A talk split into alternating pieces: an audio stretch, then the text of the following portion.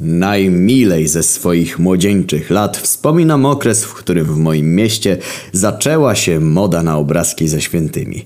Cały Lublin zwariował pod tym względem, a każdy mieszkaniec posiadał własny kieszonkowy klaser, w którym przechowywał swoją kolekcję karteczek z wizerunkami błogosławionych kościoła katolickiego. Myśleliście, że moda na Pokémony minęła bezpowrotnie? W pamiętnym roku 2018 pojawiła się znowu z jeszcze większym rozmachem. Należy zacząć jednak od tego, że z początku nie spotkała się ona z ciepłym przyjęciem. A to głównie przez dwa konkretne obrazki – Judasza oraz Maksymiliana Kolbe. Ten pierwszy uprawniał posiadacza do sprzedania ziomka na psach bez żadnych konsekwencji, zaś drugi pozwalał przenieść zarzuty na konkretną, wybraną przez siebie osobę, która w konsekwencji szła na odsiadkę zamiast owego szczęśliwca. Szybko stało się jasne, że z tych dwóch obrazków trzeba się jak najszybciej pozbyć z rynku, przeciwnym razie konsekwencje byłyby niewyobrażalne.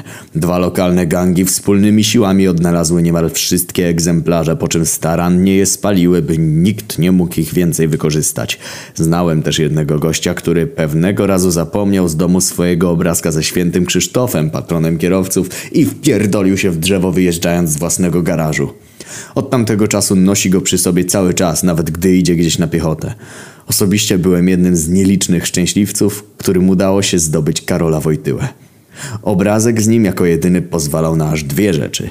Po pierwsze, po okazaniu go w cukierni otrzymywało się zniżkę 90% na kremówki, a po drugie, co podnosiło jego wartość o kilka patyków, najebanie dzieci bez żadnych konsekwencji. Pamiętam, że sprzedałem go lokalnemu pedofilowi w desperackiej próbie zdobycia hajsu na spłatę długów. Jednak Wojtyła nie był najrzadszym obrazkiem. Przebijał go Jezus, którego dostanie graniczyło z cudem. Każdy jego posiadacz stawał się z marszu królem każdej imprezy, gdyż był dzięki niemu w stanie przemienić wodę w dowolną ilość wina. W całym mieście była chyba tylko jedna osoba, która go miała, ale szybko została brutalnie zamordowana poprzez utopienie w stawie przez posiadacza obrazka z Janem Chrzcicielem, a po samym Jezusie słuch zaginął. Krążyły plotki, że utonął razem z właścicielem. W podstawówkach i liceach krążyły obrazki ze świętym Judą, patronem spraw beznadziejnych, wykorzystywane przez dzieciaki do żebrania o podniesienie oceny. Były na tyle powszechne, że szybko straciły jednak jakąkolwiek wartość. Pamiętam, że raz pojawił się nawet obrazek ze świętym Wojciechem, chyba jedyny taki egzemplarz. Jedyny, bo jak się okazało posiadacz zostawał uprawniony do otrzymywania wpierdolu od każdego. Nikogo nie powinno więc dziwić, że kolejne egzemplarze nie były nawet produkowane. Jeden z moich ziomków wpadł na pomysł podrzucenia go jednemu z nauczycieli, ale nim zdążył wsunąć mu go do kieszeni, cała szkoła rzuciła się na niego, zabijając na miejscu. Ktoś mądry spuścił Wojciecha w kiblu i to chyba była najlepsza decyzja, jaką można było podjąć. Wiele osób z podnieceniem oczekiwało na wizytę księdza po kolędzie, licząc, że za grubą kopertę zostawi im jakąś unikalną personę. Trudno nie wspomnieć o opowiadaniu o tych czasach tego, że coraz powszechniejsze stało się fałszerstwo.